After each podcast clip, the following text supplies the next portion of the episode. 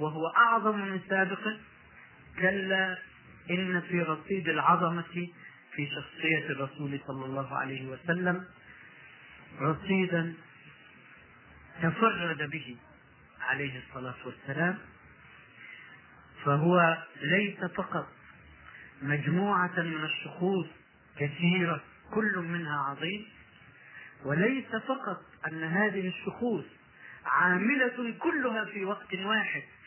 يعني ليس أقصد في الثانية الواحدة أو الدقيقة الواحدة لكن أقصد أن شيئا منها لا يشغله عن الأشياء الأخرى. ليس هذا فقط ولكن تشتغل تعمل هذه الجوانب كلها في في الوقت الواحد وعلى توازن فيما بينها وبين بعضها البعض. هذا مستوى جديد للعظمه فكثير هم الناس الذين نسميهم في واقع الحياة عظماء أشبههم تشبيها حسيا بالرجل الأعوج يسير بكتف واطية وكتف عالية يسير برجل أعلى من رجل أو أقصر من رجل لماذا؟ لأنه يركز على جانب من الجوانب أكثر مما يركز على الجوانب الأخرى. لا يعطيها نفس التركيز لا يعطيها نفس الأهمية. كثير من العظماء تجده عظيما في جانب أو جانبين ولكنه يسير كذلك الرجل المعوج في حياته الأخرى ضحالة لأنه يهمل جوانب من الحياة كثيرة في حين يبرز منها جانبا أو جانبين ومع ذلك نسميه عظيما.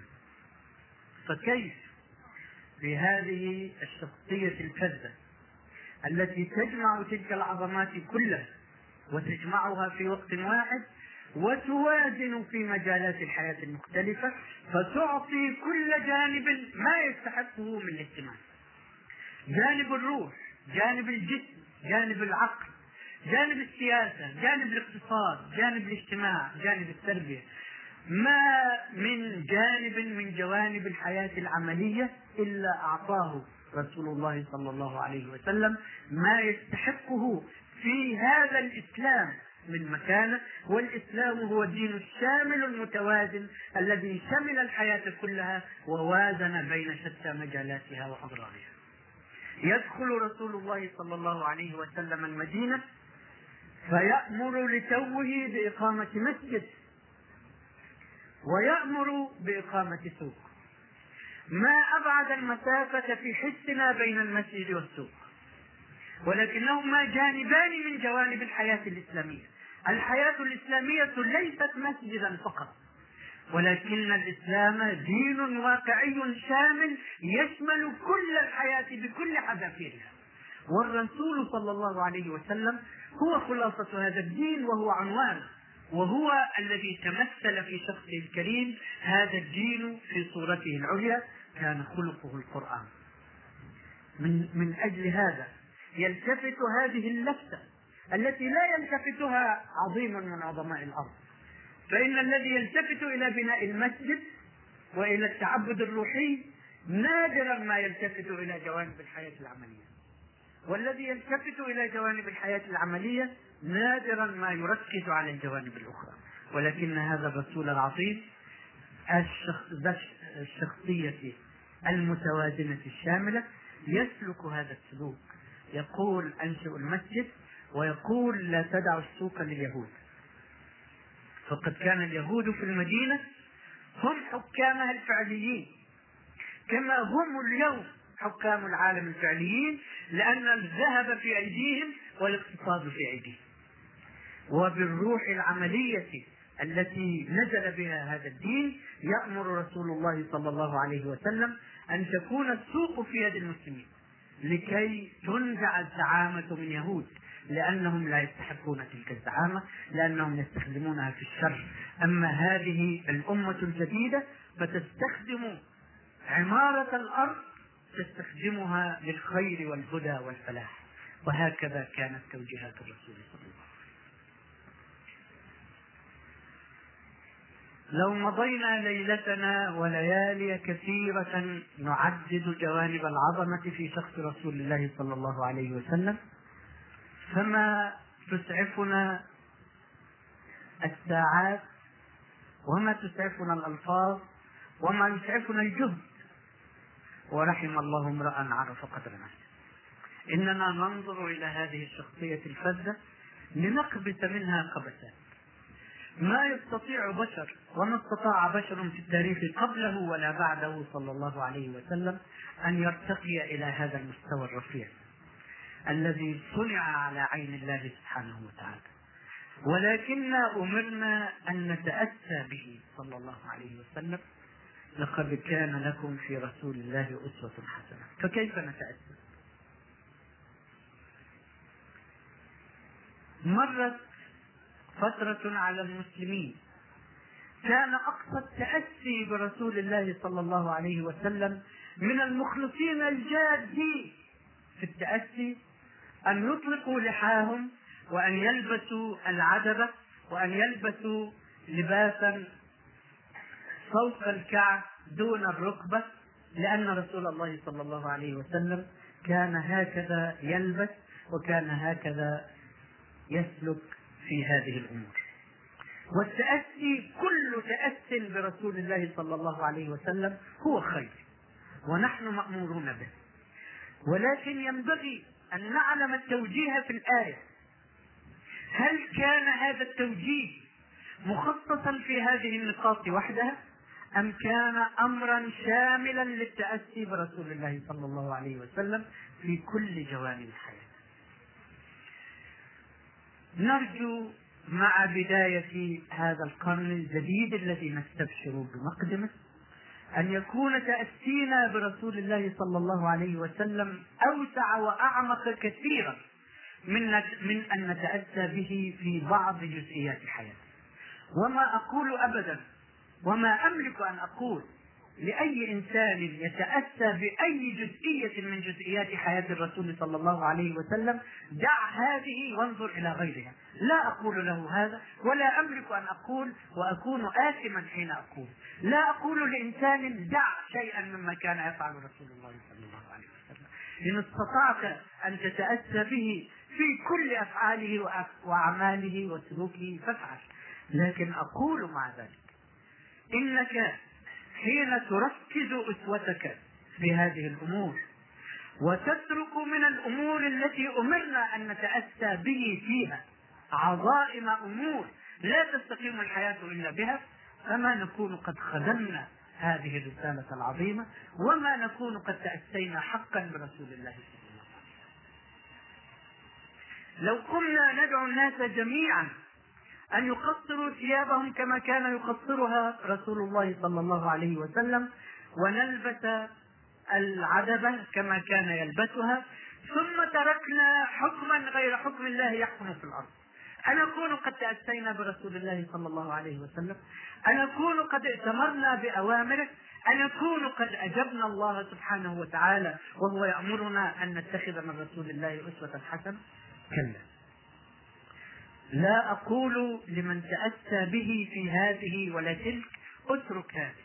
وما أقول له إن هذه توافه لا تستحق أن تتأسى به. كلا. ما من شيء قام به رسول الله صلى الله عليه وسلم يكون تافها أو يكون صغيرا أو يكون غير مستحق للتأسي به. لكن فلننظر في حياتنا التي شردت بعيدا عن الإسلام. فلننظر كيف نصلحها. هل لو لبسنا جميعا هذه الثياب وتركنا الذين يعيشون في الأرض فسادا يحكمون شريعة غير شريعة الله نكون قد صنعنا شيئا؟ هل لو أمسكنا بالسواك صباحنا ومساءنا؟ وما أقول لأحد اترك السواك أكون اثما إن قلت له ذلك. لكن إن أمسكنا بالسواك بالسواك ليلنا ونهارنا ثم رأينا مناهج تعليمنا تخرج أناسا لا يعرفون شيئا عن حقيقة الإسلام وتركناها وقلنا ما لنا ولهذه. نكون قد تاسينا برسول الله صلى الله عليه وسلم. كلا. إنما التأسي به يكون في كل شيء أمرنا أن نتأسى. ثم نستعرض واقعنا. ننظر لأي شيء هبطنا في هذه الهوة السحيقة التي وصلنا إليها. والتي حدثنا عنها رسول الله صلى الله عليه وسلم حين قال يوشك أن تداعى عليكم الأمم كما تداعى الأكلة إلى قطعتها. قالوا أمن قلة نحن يومئذ يا رسول الله؟ قال بل أنتم يومئذ كثير ولكنكم غثاء كغثاء وقد صرنا إلى ذلك الغثاء الذي أخبر عنه رسول الله صلى الله عليه وسلم وتكالبت الأمم وتآلبت وتداعت علينا كما تداعى الأكلة إلى قطعتها فبأي وسيلة نرد هذه الأمم؟ بأي وسيلة نعود فنمكن لدين الله في الأرض؟ لا بد أن تكون أسوتنا في رسول الله صلى الله عليه وسلم أسوة كاملة. لا بد أن ندرك إلى أي شيء دعا. دعا إلى تغيير الجاهلية وإحلال الإسلام محلها هذه هي الدعوة الكبرى التي قام بها رسول الله صلى الله عليه وسلم. فليكن فلتكن فليكن تأتينا برسول الله صلى الله عليه وسلم منطلقا من هذا المنطلق. لقد وقعت الأمة الإسلامية في جاهلية جديدة حين حكمت شريعة غير شريعة الله وحكمت منهجا غير منهج الله وراحت تغرف من وعاء الجاهلية شرقه وغربه من اشتراكيته ومن ديمقراطيته ومن إلحاده ومن بعده عن طريق الله. هذا هو الذي وصل بالأمة الإسلامية إلى الحضيض الذي وصلت إليه بعدها عن طريق الله. فلتعد الأمة إذا إلى الطريق. فلتعرف طريق الله جيدا. فلتعرف لا إله إلا الله محمد رسول الله. أي معنى تشمله هذه العبارة القصيرة المختصرة الحاوية الشاملة التي تشمل منهج الحياة كله فلنعلم هذا جيدا فلنتعلمه ولنحاول تطبيقه في واقع حياتنا. عندئذ نكون قد طبقنا الأسوة المطلوبة منا في رسول الله صلى الله عليه وسلم. والسواك واجب نعم وتقصير الثياب واجب نعم وإطلاق اللحى واجب. نعم. ولا يتم إسلامنا بغير هذه الأمور. ولكن إن قمنا بهذه وحدها استسهالا لها وتركنا الأمور الصعبة لا نكون قد صنعنا شيئا في واقع الحياة لا نكون قد أخرجنا أمتنا مما هي فيه من هوان وذل. لا نكون قد تغلبنا على ماركس ولا تغلبنا على نهره ولا تغلبنا على شياطين الأرض. الذين يكيدون لهذا الدين. ولا غيرنا الواقع الأسيف الذي يعيشه المسلمون. يضعون أقدامهم على قاعدة إسلامية ثم قلوبهم وعقولهم شاردة عن الإسلام. تبحث في الغرب والشرق عن منهج هذا هو الطريق الذي نتأسى فيه برسول الله صلى الله عليه وسلم. هذا هو الطريق الذي نترجم فيه عن صدق حبنا لرسول الله صلى الله عليه وسلم. لا يكفي الوجد لا تكفي الدموع لا تكفي الابتهالات لا تكفي الموالد لا يكفي كل ما نصنعه لنعبر عن حبنا لرسول الله صلى الله عليه وسلم. إن تجافينا طريقه طريق إقامة هذا الدين طريق التمكين لدين الله في الأرض طريق الجهاد لتكون كلمة الله هي العليا. هذا هو الطريق. ولنا أن نستبشر بهذا القرن الجديد لأن الطلائع التي بدأت تغير ما بنفسها تتطلع إلى كتاب الله وسنة رسوله وتتطلع إلى شخص الرسول صلى الله عليه وسلم لا بوصفه ذكرى عزيزة من الماضي لكن بوصفه قائدا يقود معركتنا الحاضر. يقود خطانا الآن وحين يقودها فإنما يقودها إلى النصر والتمكين بإذن الله. والسلام عليكم ورحمة الله وبركاته.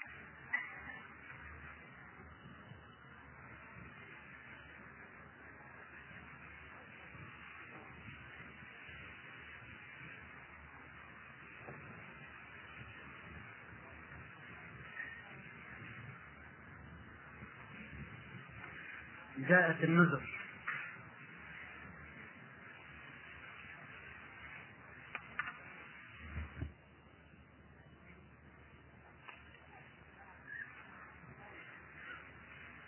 ما حكم مشاهدة مباريات كرة القدم وهم يلعبون وجزء من عورتهم ظاهرة. أفيدونا؟ جزاكم الله عنا خيرا. حكمها أنها مخالفة. وينبغي لهذه المخالفة أن ترد إلى الأصل الذي أنزله الله ورسوله صلى الله عليه وسلم. تكلمتم في بداية المحاضرة عن القرن الهجري المنصرم. فهل لكم أن تبينوا لنا أهم الأمور التي أثرت في كيان الأمة الإسلامية سلبا أو إيجابا؟ مهما كان هذا التأثير من أحداث مرت أو أشخاص دعت إلى الله أو دويلات جديدة قامت وهل يمكن القول أن للثورة الإسلامية في إيران تأثير تأثيرا على كيان الأمة في القرن الماضي؟ وجزاكم الله خيرا مع تبيان كيفية التغيير والتأثير. هذا الموضوع محاضرة قائمة بذاتها لأنه موضوع طويل وما تكفي لحظات التعقيد للإجابة على سؤال مركب من جزئيات كثيرة كهذا السؤال. فنؤجله إلى وقت آخر إن شاء الله. كثير من إخواننا الذين يدرسون في الخارج يصطحبون زوجاتهم معهم وربما أدخلوهن الجامعات المختلطة في دور في دول الكفر. مع العلم أنهن يلتزمن بالحجاب الإسلامي. فهل هذا العمل يتمشى مع توجيهات الرسول صلى الله عليه وسلم بالنسبة للمرأة والمحافظة عليها؟ وربما علموها قيادة السيارة وتذهب وحدها إلى السوق وإلى الجامعة. نرجو منكم أن تعطونا تصوركم لوضع المرأة المسلمة في دول غير المسلمة. حياة المسلم في المجتمع الجاهلي لا يمكن أن تكون حياة إسلامية كاملة. بحكم ضغط المجتمع الجاهلي وبحكم أن المسلم فيه ليس هو صاحب السلطان ليس هو الذي يرسم التقاليد ويرسم أنماط السلوك ونضطر أحيانا إلى مجاراة ذلك المجتمع الجاهلي في بعض أموره فإن رضينا فإن هذا الرضا يخرج بنا عن الإسلام. إن رضينا في قلوبنا عن هذا المسلك وقلنا وهو مخالف لدين الله قلنا لا بأس فيه وهو حلال نكون بذلك خارجين عن ملة الإسلام. ولكن كما يقول الرسول صلى الله عليه وسلم فمن أنكر فقد برئ ومن كره فقد سلم ولكن من رضي وتابع من تابع عن رضا فلا برئ ولا سلم. من هذه الأشياء التي تضطرنا إليها الجاهلية تعليم المرأة في المعاهد الجاهلية. هذا من الضرورات. لماذا هو ضرورة؟ لا تظنوا أني سأقول لكم ما يقوله الناس من تبريرات لهذا المسلك. آه إنه المرأة نصف المجتمع والمجتمع لا يمشي بقدم واحدة ولا بد أن يسير بالقدمين معا إلى آخر هذا ولكني أقول إننا اليوم في معركة ضارية بين بين طلائع البعث الإسلامي وبين الجاهلية المعاصرة. وبعض عدة المعركة هو هذا التعليم. وغير المتعلمة تدخل المعركة بسلاح ناقص فنحتاج أحيانا إلى تسليحها بهذا العلم ونحن نعلم أنه قائم على قاعدة جاهلية لتواجه ضرورة المعركة. في هذه الحدود الضيقة لا على أنه هو القاعدة ولا على أنه هو الأمر الذي يجب أن ينتشر في المجتمع الإسلامي. أما يوم نكون مسلمين يوم نطبق الإسلام في عالم الواقع يوم يكون لنا سلطاننا في أرضنا ولا نحتاج أن نذهب إلى بلاد الكفار.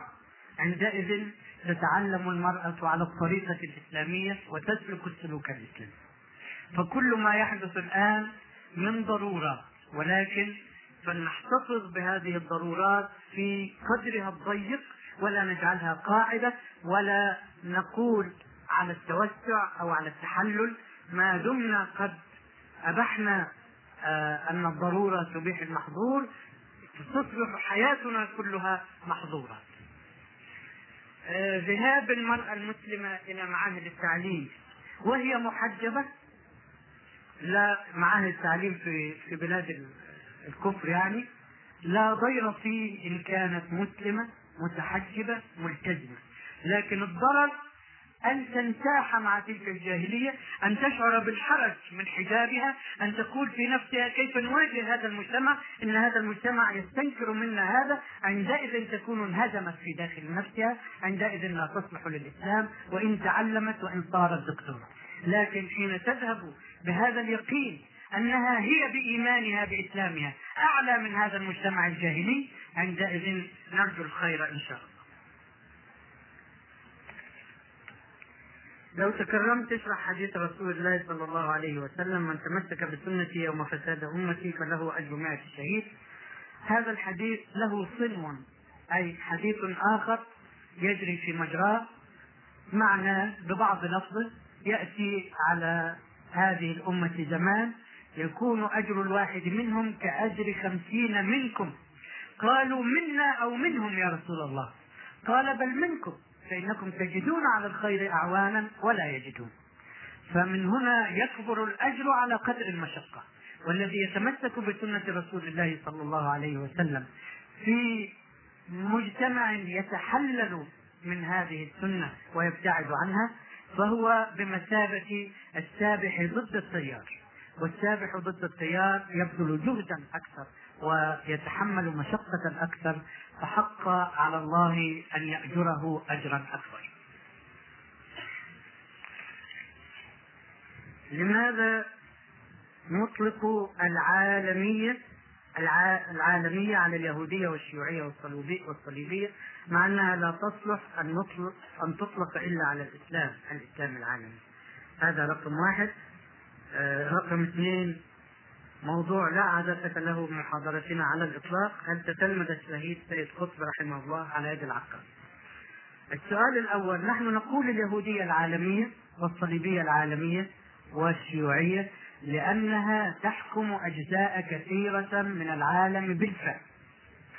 هي صغيرة هي تافهة هي قزمة لكن حجمها السياسي الحالي وحجمها العسكري هو أنها تحكم الأرض.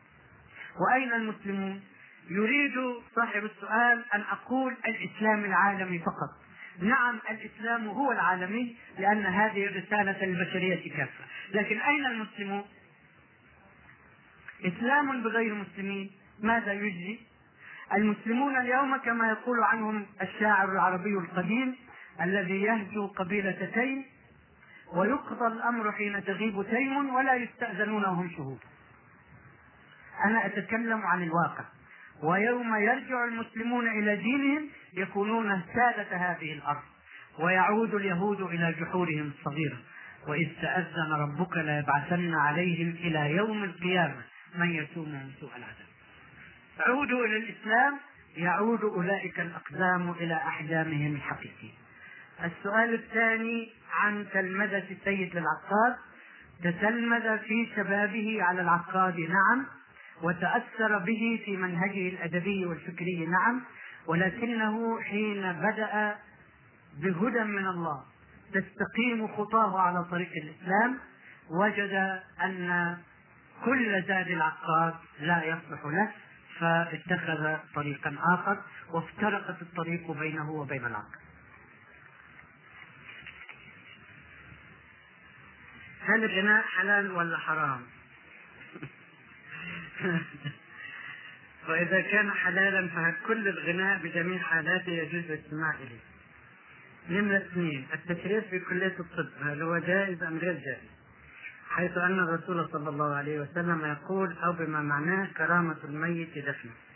نمرة ثلاثة إذا نذر الإنسان صيام عدة أيام ثم أداها وبعد مدة عجز عن تأدية هذا الندب يعني أداها إزاي؟ أدى بعضها يعني وقد نصح الأطباء بأن الصيام هذه المدة يؤثر عليه فكيف يعمل هل يستمر على الصيام أم ماذا؟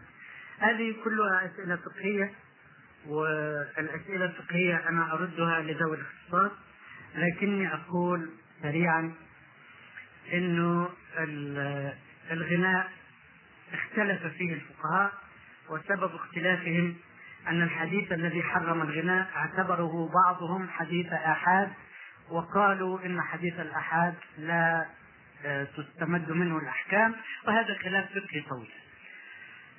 آه، أنا لا أنظر إلى هذا الخلاف الفقهي. أنا أقول نفترض أن الغناء حلال مئة في المئة وهو ليس كذلك. فهل يجوز الغناء؟ هل يجوز أن نتسلى بهذه التوافل والمسلمون يذبحون في الفلبين ويذبحون في الحبشة ويذبحون في إريتريا ويذبحون في تشاد ويذبحون في كل مكان على سطح الأرض. أهذا هو الوقت الذي نتسلى فيه بهذه التفاهات ولو كانت حلالا. التسريح آه، قضى فيه الفقهاء بجوازه لأنه مطلوب للتعليم للفائدة لأن الطبيب لا يستطيع مهما درس نظريا أن آه، يفيد فائدة تامة في تشخيص المرض وفي العلاج ما لم يطلع على دقائق الجسم البشري عن طريق التشريع ومن ثم أجازه الفقهاء المسلمين. في موضوع الصيام إذا قال له الأطباء إنه لن يستطيع أبدا أن يصوم فقد سقط عنه لا النذر فقط بل الفرض أيضا لكن إذا قالوا له إنه لا يستطيع الآن وأن الصيام الآن يؤثر على صحته فعدة من أيام أخرى ما ينطبق على الفرض ينطبق على النافلة ما رأي فضيلتكم في لبس الساعة في اليد اليمنى في هذه الأيام؟ الساعة متركبة بحيث إنها يعني تتلبس في الشمال. إيه لما يطلع مهندسين مسلمين وعايزين يحطوها في اليمين يبقوا يدوروا الساعة ويخلوا المفتاح من الناحية الثانية.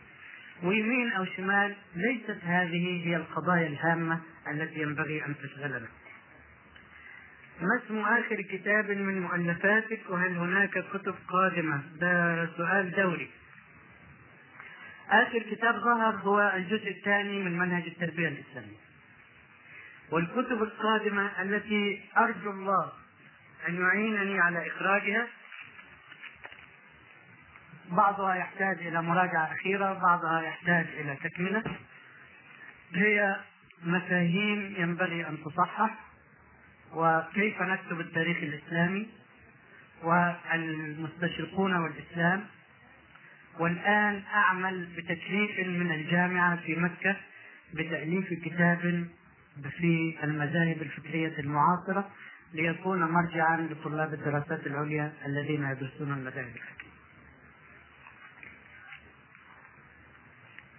إني والله أحبك في الله. شكرا لك يا أخي. فادعوا لي بالهداية والثبات على الحق وجزاك الله خيرا. أدعو لك بظهر الغيب إن شاء الله. والله يوفقنا جميعا إلى ما يحبه ويرضاه. هناك بعض الأحاديث موضوعة وأخرى ضعيفة موجودة في كتب كثيرة ونحن كأشخاص غير متعمقين في الدين أي الكتب تقترح علينا أن نقرأ ونفهم من كتب الأحاديث كتب الصحاح معروفة وفي مقدمتها صحيح البخاري وصحيح مسلم. ولا يستغني الإنسان منا عن مشورة العلماء. وأنا أدخل نفسي في مقدمة الذين يسعون إلى الاستعانة بالعلماء. لقد اتضح لي اتضحت لي في هذه المحاضرة أشياء كثيرة. فقررت أن أكون مقتديا برسول الله صلى الله عليه وسلم مطبقا للإسلام الكامل فماذا تقترح علي أن أعمل أول ما أبدأ؟ وأي الكتب تقترح علي أن أقرأ؟ وكيف يكون سلوكي بعد ذلك؟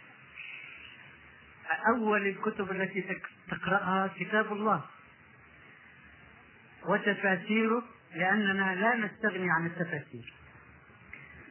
وتقرأ كتب الأحاديث وتفاسيرها لأننا لا نستغني عن التفسير. وتقرأ ما كتب عن الصحابة رضوان الله عليهم فهم المثل التي نحتذيها بعد رسول الله صلى الله عليه وسلم. ثم تقرأ ما شئت من الكتب. تعمل إيه أول ما تبدأ؟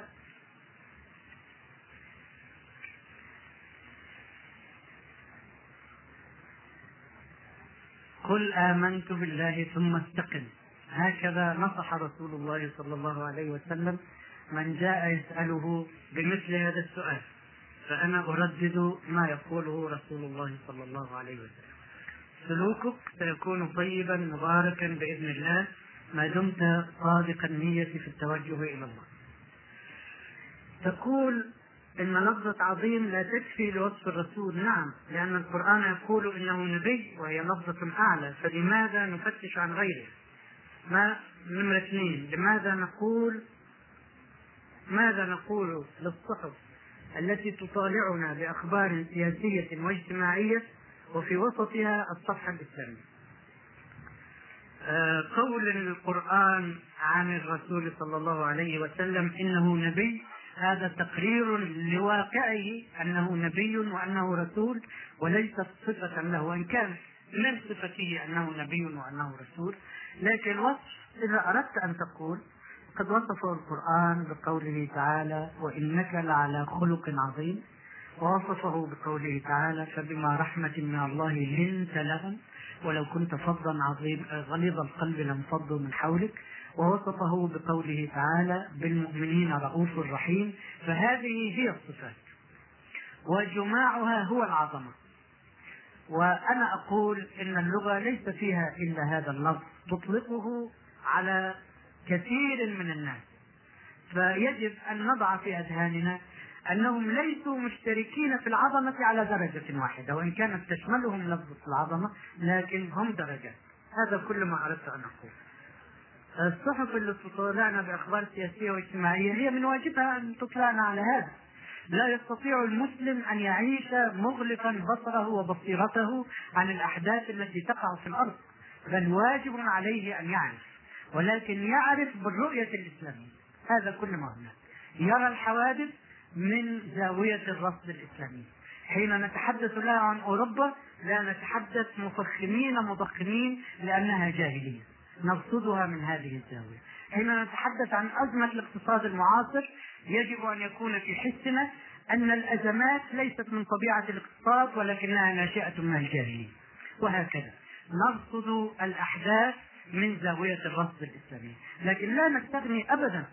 والإسلام ليس درسا دينيا بالمعنى المعتاد بل هو سياسة واقتصاد واجتماع وكل شيء. كيف يتوجه المسلمون في الحضارة العصرية التي قدمها الجاهلون غربيا كان أم شرقيا كيف يوجه المسلمون الحضارة العصرية التي قدمها الجاهليون؟ يمكن قصد الجاهليين. هل لابد أن يفر عنها أو يأخذ شيئا منها مما لا يتعارض مع الكتاب والسنة؟ لا نفر منها أبدا لأن الفرار هو سلوك الجبناء. لا نفر.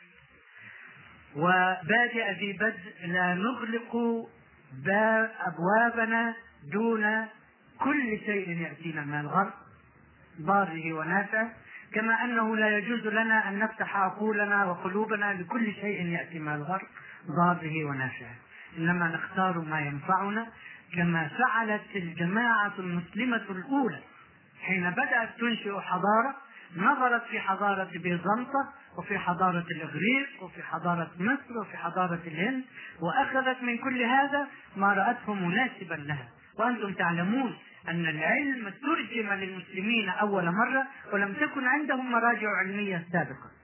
فهذا سلوك سليم.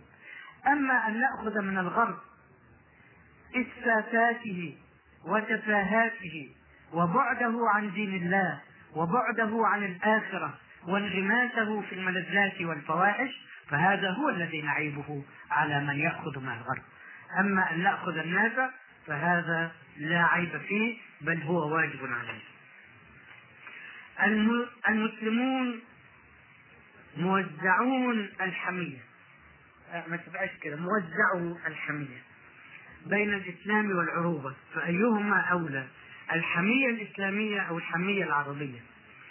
أنا أستنكر هذا السؤال السؤال مردود يعني لا يجوز لمسلم أن يقول أيهما أولى الإسلام أو غير الإسلام إنما كنت أتوقع أن يقول هل هناك تعارض بين الانتماء للإسلام والانتماء إلى العروبة مثلا أو ما رأيك في دعوة القومية العربية لكن يقول لي أيهما أولى الإسلام أم غيره؟ هذا السؤال لا يحتاج إلى جواب. ثانيا ليس الإسلام حمية. وصف الإسلام بأنه حمية هو تشويه للإسلام. إنما الحمية كما قال عنها الله سبحانه وتعالى حمية الجاهلية. الجاهلية هي التي تندفع بحمية. المسلم يندفع بإيمان. يندفع طاعة لله ولرسوله فلا يندفع حمية الفرق بين الاندفاع المنطلق من طاعة الله ورسوله والاندفاع المنطلق من الحمية أن الحمية لا تميز بين الحق والباطل. وهذا هو الذي أخذه الله على مشركي قريش أنهم يندفعون القتال جعل في قلوب الذين كفروا الحمية حمية الجاهلية تلك التي كان يقول عنها الشاعر لا يسألون أخاهم حين يندبهم إلى القتال على ما قال برهانه لا يسألونه أفي حق أم في باطل. إنما يقول قتال يلا قتال. هذه هي الحمية أما المسلم فهو يسأل في أي شيء أفي حق أم في باطل؟ فإذا وجده حقا جاهد فيه وإذا وجده باطلا امتنع. عنه الإسلام والعروبة بيختلط في حس كثير من الناس. فإن الدين عند الله الإسلام. والعرب هم الذين حملوا هذا الدين أول مرة إلى البشرية. فامتددت العروبة والإسلام. لأن العروبة يومئذ كانت قائمة على دين الله. يوم تقوم العروبة على العروبة لا على دين الله فتلك هي التي قال عنها رسول الله صلى الله عليه وسلم لا تدعوا بدعوى الجاهلين والتي قال فيها دعوها فإنها منتنة لأنها تتحول إلى حمية تتحول إلى عصبية تتحول إلى حواجز تفرق بين المسلم وأخيه المسلم. العربي يقول أنا عربي ولست هنديا ولست باكستانيا ولست كذا ولست كذا. ويقول صاحب القومية العربية المسيحي العربي أقرب إلي من المسلم غير العربي. يخالف ما أمر الله به جهارا. فهذه هي المنبوذة هذه هي الحرام. أما أن تكون عربيا لأنك عربي ولسانك عربي ثم تتخذ الإسلام منهجا فهذا لا تعارض فيه الإخلاص الصدق محبة الله ورسوله اتباع منهج الله والتزام سنة الرسول بكل مفاهيمها كما قلت. يقف الشيطان وعقبات كثيرة ضد ذلك. فحدثنا عن مقومات التغلب على هذه العقبات الشيطان يقف دائما لا في هذه الأيام فقط. اسألوا عن موقفه. إنه بدأ موقفه منذ آدم عليه السلام. منذ خلق آدم تصدى وسجدت له الملائكة تصدى له الشيطان. فهذا موقف قديم. والشيطان يجري من ابن آدم مجرى الدم من العروق. وأمرنا مع ذلك أن نقاوم وسوسة الشيطان وأن نقاوم كيد الشيطان. وقال الله إن كيد الشيطان كان ضعيفا. وقال الله عن الشيطان إنه ليس له سلطان على الذين آمنوا وعلى ربهم يتوكلون إنما سلطانه على الذين يتولونه والذين هم به مشركون. فإن صدقنا الله نتغلب عن الشيطان. كيف؟ نتقرب إلى الله بالعبادة نتقرب إليه بالنوافل نتقرب إليه بالطاعات فيبتعد الشيطان عنا حتى ييأس بإذن الله ألا ترى أن أسئلة الشباب أضحت تقليدية والله منك لهم قل لهم عندما نتكلم عن المجتمع المسلم القائم على شرع الله هل هناك ما يمنع التقاء الأسر المسلمة رجالا ونساء لقاءات أخوة وصداقة؟ نقصد بالأسر المسلمة المعنى الصحيح لهذه الكلمة ومنها أن تكون المرأة ملتزمة بالزي الإسلامي وآدابه. هذه ضرورة نحتاج إليها أحيانا مخلصين صادقين. ليتلقى النساء دروسا في الدين قد لا يحصلن عليها في أماكن أخرى. أما أن تكون أصلا وتقاليد فليس هذا من أصول الإسلام وليس هذا من تقاليد الإسلام ولا ضرورة له على الإطلاق. إنما الضرورة العارضة في مجتمعاتنا اليوم أن عندنا أزمة كبيرة في الدعاء وفي الدعاء من النساء بصفة خاصة. فمن أجل هذا تجتمع النساء والرجال المسلمون والمسلمات في دروس يقصد بها التربية والتوجيه. أما إن قصد بها الثمر مجرد الثمر فإن الله ورسوله نهيا عن ذلك. ما رأيكم في عبقريات العقاد وباقي كتاباته الإسلامية؟ مع رأيكم في كتابات الرافعي؟ آه راجيا أن تبين عيوب أو محاسن تلك الكتب. ده موضوع طويل وموضوع متخصص وما ينفعش في آخر محاضرة طويلة. أرجو أن لا تكون مملة جدا. ففقط أقول أنه العقاد يأجره الله بما كتب لصالح الإسلام ولكنه لم يخلص تماما من آثار الاستشراق تأثير الفكر الغربي عليه. فتقرأ كتبه ويستفاد منها على حذر من تلك النقاط التي تأثر فيها بالفكر الغربي. الرافعي رحمه الله كان كاتبا إسلاميا مخلصا ولكن أسلوبه شديد التعقيد بالنسبة للقارئ المعاصر. آه هذا باختصار. بالنسبة للحديث الذي سألتم عنه وهو قوله صلى الله عليه وسلم ما معناه من تمسك بسنتي فله أجر مائة الشهيد ولست أذكر الآن أهو ضعيف أو موضوع فهو حديث غير صحيح وذلك حسب ما ورد في كتاب الألباني. سلسلة الأحاديث الضعيفة والموضوعة ونرجو التنميه وجزاكم الله خيرا. شكر الله لصاحب التصحيح لكن الحديث الذي أشرت إليه حديث صحيح وهو يأتي ما معناه؟ يأتي على الأمة زمان يكون أجر الواحد منهم كأجر خمسين منكم. قالوا منا أو منهم يا رسول الله؟ قال بل منكم فإنكم تجدون على الخير أعوانا ولا يجدون. هذا حديث صحيح إن شاء الله. والسلام عليكم ورحمة الله وبركاته